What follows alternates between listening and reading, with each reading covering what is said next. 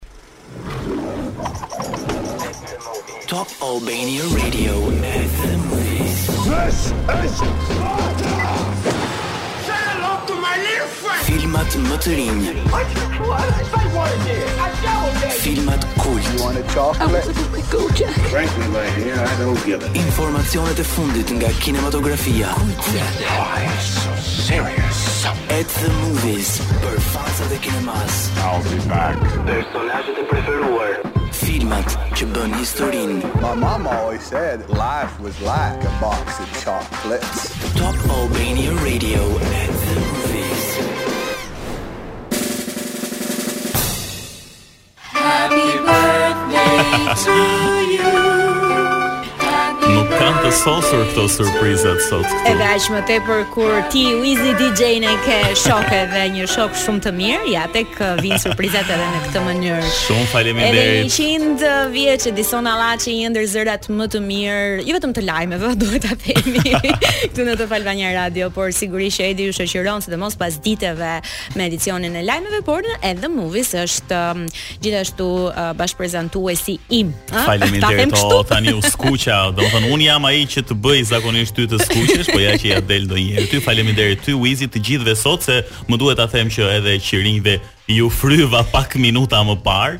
Kështu që faleminderit të gjithëve për urimet tuaja. Lum ata prindër që të kanë, e di edhe kaq fjalë kam unë e mbyll me kaq se nuk. Më duket sikur t'i kam thënë unë që t'i thuash këto përpara. Jo realisht, u bënë më shumë se 10 vite që njihemi bashkë dhe seriozisht janë fjalë të cilat realisht i meriton edhe 100 të tjera, ç'të të dojë zemra, se zakonisht ne themi sa më shumë para, po nuk është paraja e gjitha më beso. Ju dua shumë të gjithëve. Mirë, nisim emisionin tani, hajde. Hajde, e nisim nga e para. e nisim nga e para. Ju përshëndesim të gjithëve. Kemi nisur edhe The Movies në këtë të premte e cila uh, për kinematografinë në fakt është një situatë e nxehtë. Po i afrohemi datës 27 mars, datë ku do të mbahet edhe ceremonia e madhe e ndarjes së çmimeve Oscar në mbrëmje, ku do të jemi edhe së bashku, do të jemi në Top Channel. Po, uh, ashtu siç është bërë traditë tani në vitet e fundit, uh, ajo transmetohet uh, live në Top Channel Ëm së bashku edhe me diskutime, po themi me të ftuar me një program që i dedikohet tërësisht ndarjes së çmimeve Oscar. Tani unë dhe Arta merremi me filmin dhe me filmat në përgjithësi çdo fundjavë këtu edhe fatmirësisht edhe jemi shumë të lumtur uh, që do të jemi edhe aty për të folur për filmat, për ceremoninë Oscar, për shumë gjëra të tjera që do t'i zbuloni um, të dielën në mbrëmje vonë rreth orës 23:30 në Top Channel, kështu që um, fansat tanë të The Movies ju duam të gjithëve atje. Kështu që disa gjëra po i mbajmë surprizë, por sigurisht atmosfera e Oscars do të na shoqërojë edhe nëpërmjet këngëve. Pak më vonë do të kemi edhe këngët të cilat janë të nominuara për këngën më të mirë apo kolonën zanore më të mirë. Po, uh, do flasim edhe do për flasim. disa nga gjërat e fundit mm -hmm. që po qarkullojnë në rrjet tani për um, ceremoninë e Oscar. Um, do t'i zbulojmë dy tre detaje për uh, të gjithë ju dhe pastaj sigurisht na mbetet për ta parë. Në pjesën e dytë të programit do të kemi edhe një të ftuar për një film shqiptar, një premierë që vjen në datën 7 prill, në mos gaboj. Në datën 7 prill, mm -hmm. një mhm. komedi e cila në fakt uh, nuk vjen për herë të parë në të gjitha atë subjektin që sjell, është një shfaqje teatrale e cila Por, vjen në një se, formë tjetër. Po, pati shumë kërkesë, sigurisht që erdhi realizuar edhe në film dhe sigurisht të qeshurat nuk do mungojnë pafund bëhuni gati të mbani një barkun me dorë. Okej, okay, që do thotë sot kemi shumë gjëra të bukura për të thënë edhe uh, të na ndiqni deri në orën 15. 3 2 1 Here's a trailer for the lost city. Here's a trailer for the lost city. Screw you, man. You led me straight to the lost city. Now, prepare to die. There are just hundreds of snakes in this temple just waiting for us to show up. What? Why aren't they biting that guy? This is ridiculous. Delete. Delete. Delete.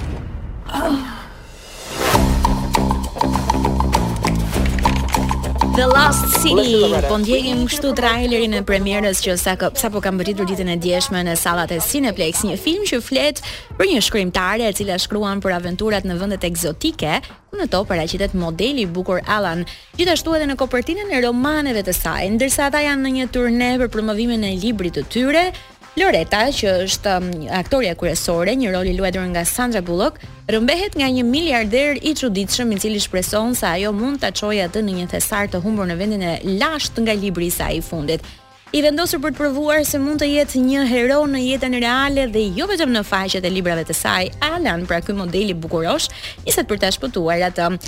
Një film në fakt që kombinon lezetshëm uh, një cast si Sandra Bullock, Channing Tatum apo Daniel Radcliffe dhe Brad Pitt, ëh. Ky film Mirë, Kast. është shumë i mirë dhe unë mezi e kam pritur për dy arsye. E para se mua më pëlqejnë shumë filmat kë Treasure Island, po themi me ishuj thesari apo me zbulime të thesareve dhe nuk kam lënë film pa parë që ka të bëjë me zbulimin e thesareve dhe njëkohësisht na rikthehet Brad Pitt, i cili duhet thënë se mm, ka munguar këto kohët e fundit Ka munguar paksa, e vërtetë. ë, në ndonjë premierë të madhe, po themi, kështu që Brad Pitt është Brad Pitt ashtu ëm, si të gjithë aktorët e tjerë uh, që tashmë janë kthyer në ikona të Hollywoodit dhe padyshim na ngjall të gjithëve interes aq më tepër krah Sandra Bullock dhe mm -hmm. Channing Tatum. Po ashtu edhe Daniel Radcliffe në fakt na kishte munguar po, për disa kohë, megjithëse së fundmi erdhi një seri e re, më shumë erdhi në formën e një reunion të të gjithë artistëve, të gjithë aktorëve të Harry Potter, por me sa duket ishte ideuar dhe ai në konceptin e Friends ku aktorët uh, flasin dhe kujtojnë. Kasti i aktorëve është um, i jashtëzakonshëm, duhet thënë, dhe sigurisht vetë um, subjekti i filmit është shumë tërheqës uh, për të gjithë ju për ta parë në kinema. Uh, qoftë um, një publik i ri, qoftë pak më i madh në moshë dhe qoftë sigurisht edhe adoleshentë mm -hmm. edhe fëmijë. Um, jemi që jemi këtu, duhet thënë uh, që dedikuar këtij filmi të ri The Lost City, uh, Ditën e djeshme është organizuar në Cineplex eventi Adventure Night me shumë aktivitete dhe me shumë dhurata të rezervuara për të gjithë ata që ndoqën filmin dje. syze me vlerë nga brendet më të njohura të momentit, produkte për kujdesin e trupit dhe flokëve, ç'ke humbur Arta dhe më the të shkojmë, po dje nuk pata mundësi në fakt.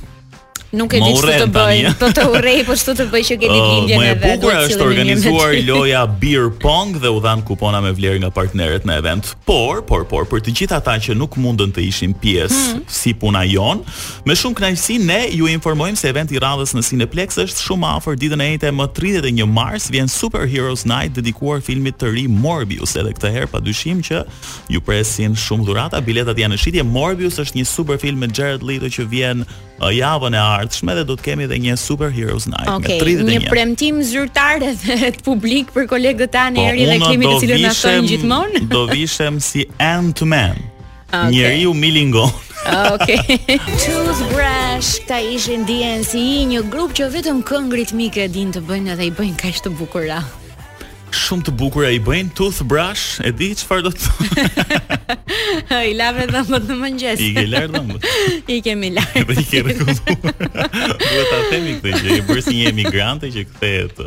Edhe rregullon dhëmbët, ose po turizmi dentar. Aty janë pak më lirë. Kështu që e vërtetë turizmi është, dentar. Turizmi dentar ekziston madje është. Është favor të ekonomisë tonë po, patjetër. Sigurisht, sigurisht. Kështu që edhe ti si ekonomiste mendon për këtë. Gjë, do ta kthejmë emisionin. Ikim, ikim nga tema ekonomike. Turizmi dentar do të mbetemi sërish pak tek um, po ceremonia e ndarjes së çmimeve Oscar. Një një industri gjithashtu shumë fitimprurëse, um, uh, filma të cilët arkëtojnë um, mijëra dollarë, duhet thënë, edhe një ceremoni që gjithashtu shpenzon shumë para dhe për vetë ceremoninë. Ëh, mm -hmm, kjo që po thua ti, ëm um, mm. uh, ka diskutim vitet e fundit, sepse ëm um, Oscari ka ndryshuar shumë, ose më saktë ceremonia, mm -hmm. sepse dikur para disa viteve uh, ishte kjo që po thoje ti që uh, filmat të, uh, të cilat merrnin pjesë aty arkëtonin shumë para, shiheshin nga të gjithë publiku, uh, ishin një format pak më i lehtë për publikun dhe trajtonin zakonisht tema um, pak më më le të themi të prekshme nga nga publiku, kurse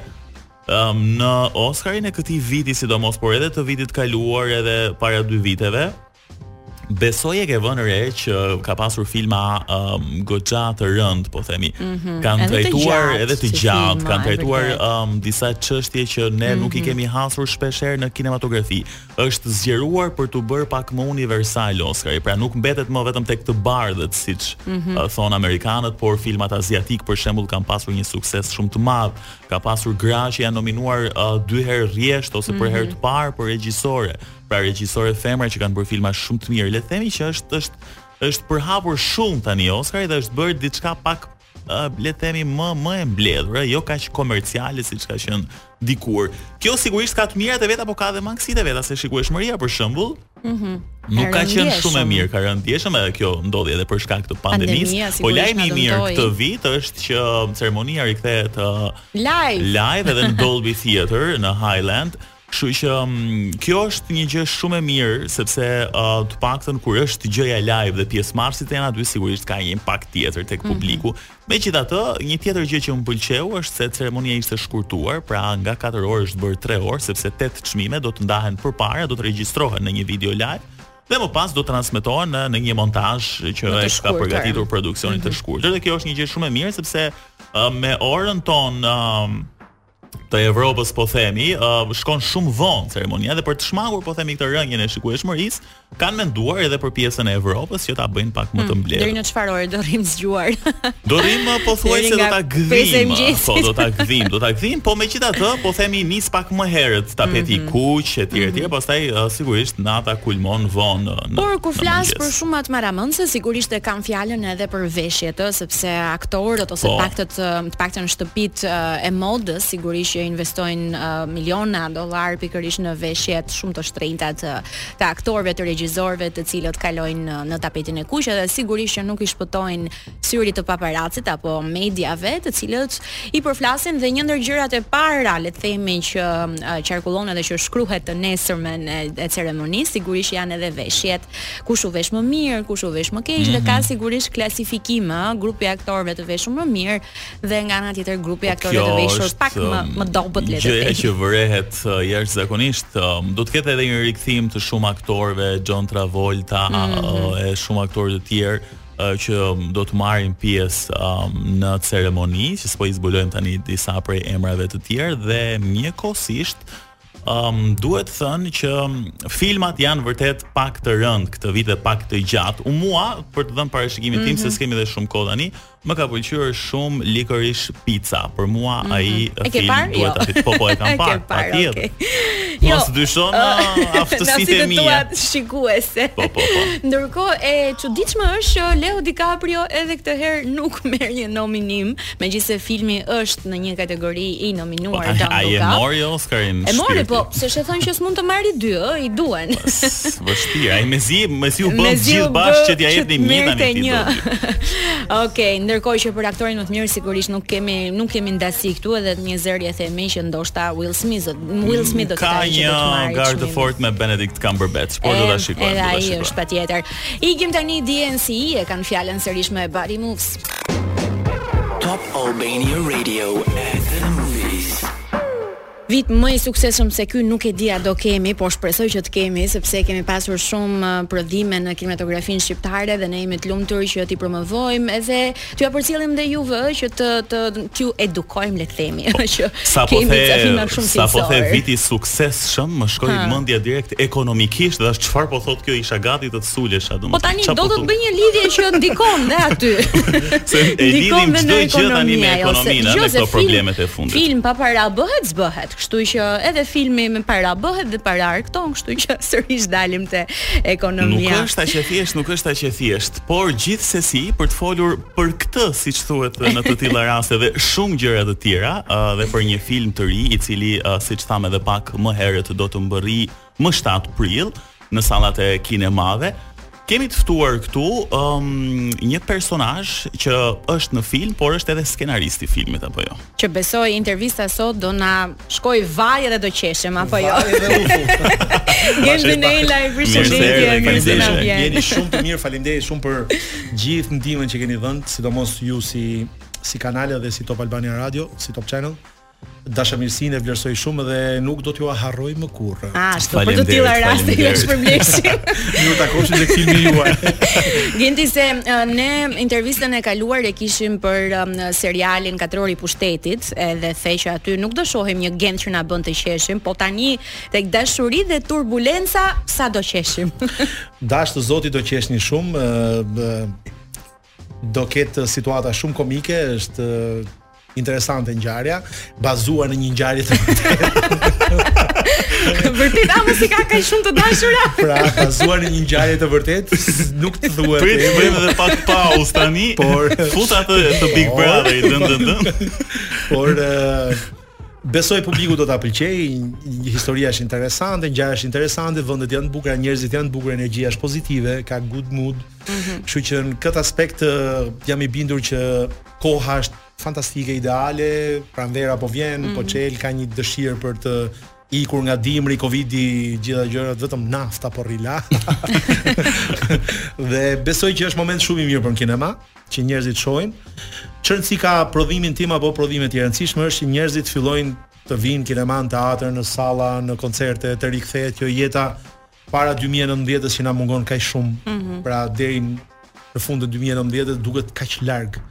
Pra, vërtet. Këto kohë të fundit bëra një shfaqje dhe kur shikoja sallën plot kisha një kisha një dashuri shumë të madhe sepse sa bukur të shikosh se më përpara kishim me njolla publikun. Pra po, distancë po, sociale, dy këtu, tre atje, katër atje dhe edhe kur i drejtohesh publikut e kishe syrin kështu si kë të shohësh. Si të shpërndarë, kë të shohësh. Kë të marr, kë të lë.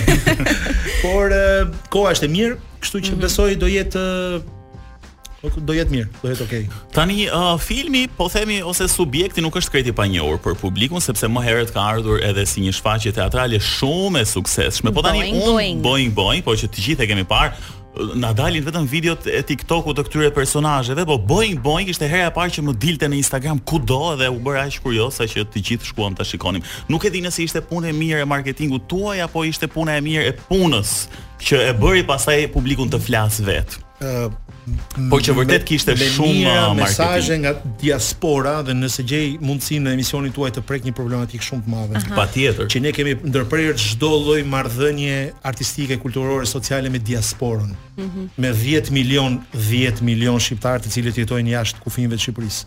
Është për të ardhur keq, Mungojnë koncertet, shfaqjet, aktivitetet, kurset e gjuhës shqipe, Do nuk e di pse këta njerëz të cilët jetojnë jashtë Shqipërisë ne i konsiderojmë tashi kanë ikur këto dhe këto s'janë më tanët. Ju priftë e mbara, si themi ne. Por dhe ndonjë përshëndetje publikun tonë në Zeland të Re, kaq. Është për të ardhur keq që ne kur ishim në Portokalli atëherë, mhm. ka ardhur një kërkesë nga Rio de Janeiro jetonin 600 shqiptarë, mhm. të cilët kërkonin që shfaqja e Portokallisë të shkonte atje. Pra, më kupton, pra ka arritur valët, valët që transmeton ky spektakël të shkojnë deri në Rio de Janeiro.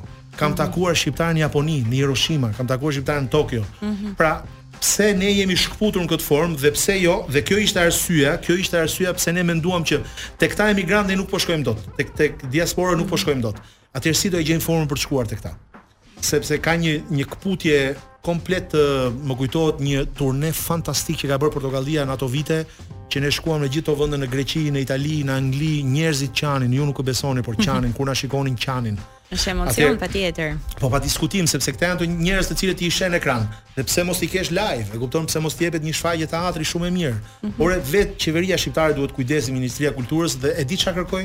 lejen e punës. Mhm. Problemi më i madh janë lejet e punës. Pra nëse mhm. ajo bën një marrëveshje me me ambasadën angleze, po themi ore, këta pesë njerëz për dy ditë duan një leje pune që shkojnë të bëjnë një shfaqje vëlla, nuk mhm. duan asgjë tjetër, u kupton? Pra facilitete, nuk kërkojmë çështje financiare. Dhe biseda kryesore që u bë, mesazhet që vinin pafund nga emigrantët, po ne si ta shohim, po ne si ta shohim, po ne do ta hidhni shfaqjen në YouTube, po si ta hedh shfaqjen në YouTube vëlla, nuk nuk funksionon kështu. Dhe atëherë thamë pse jo ta bëjmë film. Ëh, fillova me skenarin menjëherë punën për të bërë një përshtatje të skenarit, për ta përshtatur, për ta sjellë në kohë sepse ngjarjet janë në vitin 65. Ka qenë surprizë e madhe dalja e avionit Boeing Boeing, po tashmë nuk është surprizë. U përshtat, erdhi në kohët tona, u soll në rajon, ndryshuan personazhe, ndryshuan etyde të gjitha gjërat dhe erdhi me një qasje, me një frymëzim më të ri. Pra është frymëzuar nga shfaqja Boeing Boeing.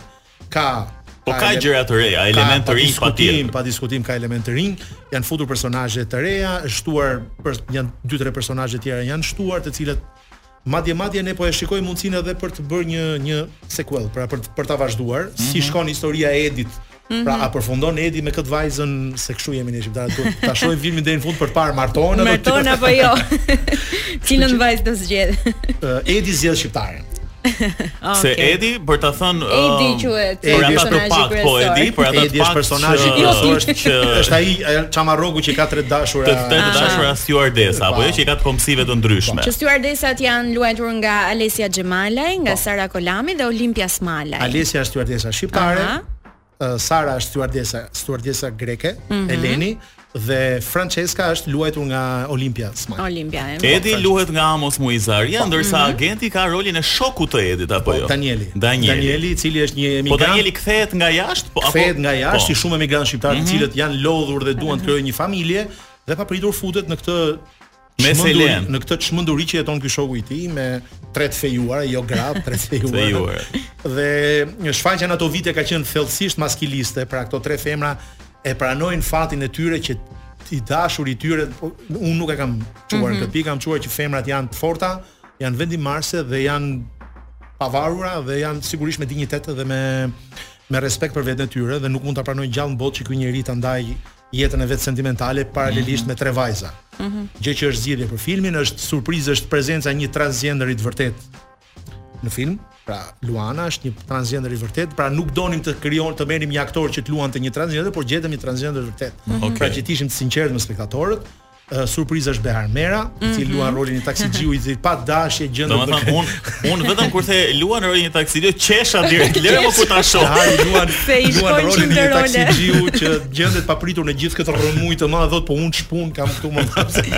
po edhe ti thua ç'punë kam ti së bashku me Rodinën, në ju të dy jeni ata të cilët nganjëherë duhet të zgjidhni të gjitha ato situata atë që ta shpëtoni shokun tuaj Edin. Po, po, po, domethënë për të futur këto fantazma në dollap, jemi unë dhe Rodina.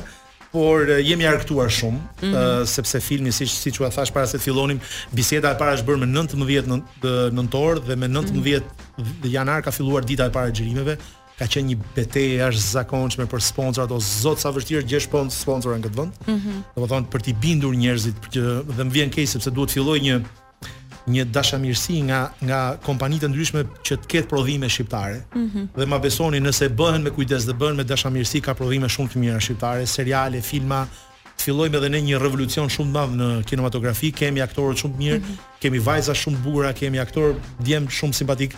Kemi ngjarje të mrekullueshme, Shqipëria prodhon ngjarje spektakolare, qoftë dramatike, komike, dhe pse jo të mos se mos kemi përfaqësues përfaqësues denjësisht edhe në mhm. tregun botëror, pra të ketë mhm. u gëzova dhe u trishtova kur mendova kur mora vesh që Netflixi po prodhon një serial që do quhet Iliria dhe janë marrë gjashtë aktorë nga Kosova, pra për për historinë në stilin e stilin e Game of Thrones.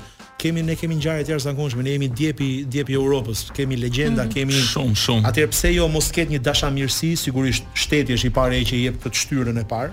Mm -hmm.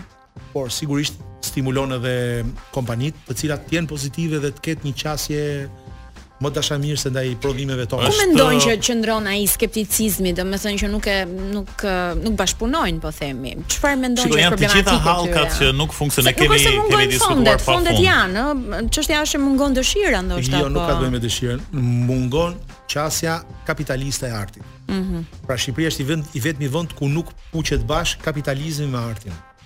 Bota merr X-in Y-in, thotë këta të dy janë të suksesshëm, do t'ia paguaj unë lekët që nëse kam shpenzuar 5 lekë për këtë për filmin të fitoj 10 lekë.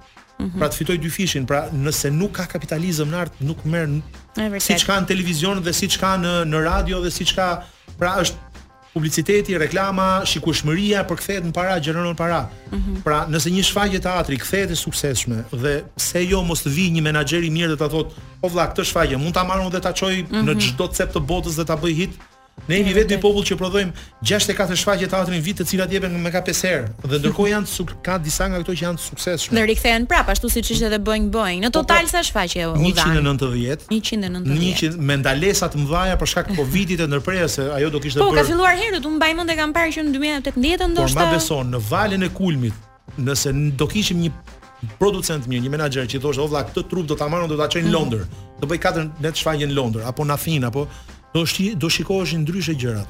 Problemi është Mungon kapitalizmi dhe mungon kjo qasja e administrimit dhe menaxhimit të artit mirë, siç e ka bota, erdhi Maluma, me një eskortë menaxherësh nga mrapa, me grupin e punës gjithë, dhe bëri një koncert madhështor dhe. E paguam ne shqiptarët i dhamë ato lekët për po, Maluma. Po tani do paguash pra për këtë po diskutojmë. Dhe kjo është arsyeja pse ecin gjërat në art, pse ecin gjërat në teknologji, sepse nëse nuk ka investim, nuk ka investim te gjëja mm. shteron. Pra publiku shqiptar, ma besoni që arti shqiptar prodhon gjëra shumë të mira.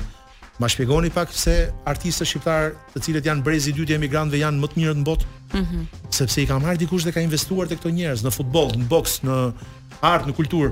Ajo do të thotë, janë njerëz me aftësi shumë të mira artistike, kulturore, sportive etj etj. Ka një menaxher të mirë i cili e ka çuar përpara, siç e kemi rastin e Dua Lipës, e cila fati e deshi që të kishte një menaxher shumë të mirë nga mbrapa, një njeri i cili e ndihmoi, e çoi përpara dhe kemi sot një artiste me famë mhm. botërore mm -hmm. e cila është shqiptare. Mm -hmm. Sepse nuk mund të paragjykojmë dot publikun, a publiku aty është. Genti tha që janë 10 milionë jashtë Shqipërisë, por në fakt ne e shohim edhe për gjërat, po them më ordinere ose nuk e di në rrjetet sociale, aty ka një publik që video të shkojë 1 milion views me shqiptar më falni për shumë pak kohë, kështu që nëse një gjë është e suksesshme, ngjall interes, ajo ngjall interes dhe do të ketë benefit me patjetër. Ma beso këtë gjë që po, po them sepse puna duhet të jetë sigurisht. Shfaqja që un kam në dorë këto kohë të fundit është dhënë të hënë të martë të mërkurë që në aspektin e aktorëve është blasfemi. Pra të bësh berberët dhe aktorët nuk punojnë të hënën. E kanë pushim. Pra të bësh shfaqje të hënën të martë mërkurë është blasfemi. Por publiku erdhi. Ne kemi bërë shfaqje edhe në orën 9 të darkës dhe publiku vjen. Shfaqja e fundit e Boeing Boeing është dhënë te Akademia e Arteve duke rënë shi, binte shi në në shfa, në sallë të hapur, pra në amfiteatër dhe njerëzit nuk lëviznin nga vendi. Që do të thotë, shqiptarët janë njerëz që e duan artin, e duan spektaklin. Atëherë pse mos ia ofrosh? Mhm. Pse pse kjo kam kam përshtypjen që ka qenë një shtysë e madhe edhe për ju që ta bënit edhe filmin, ë? Por dashtë zoti Kjo çel rrugën për të filluar projekte të tjera, sepse ka nevojë, Shqipëria ka ka mundësi të prodhojë pafund, jo në aspektin e vetëm tregut të brendshëm, por edhe në tregun ndërkombëtar.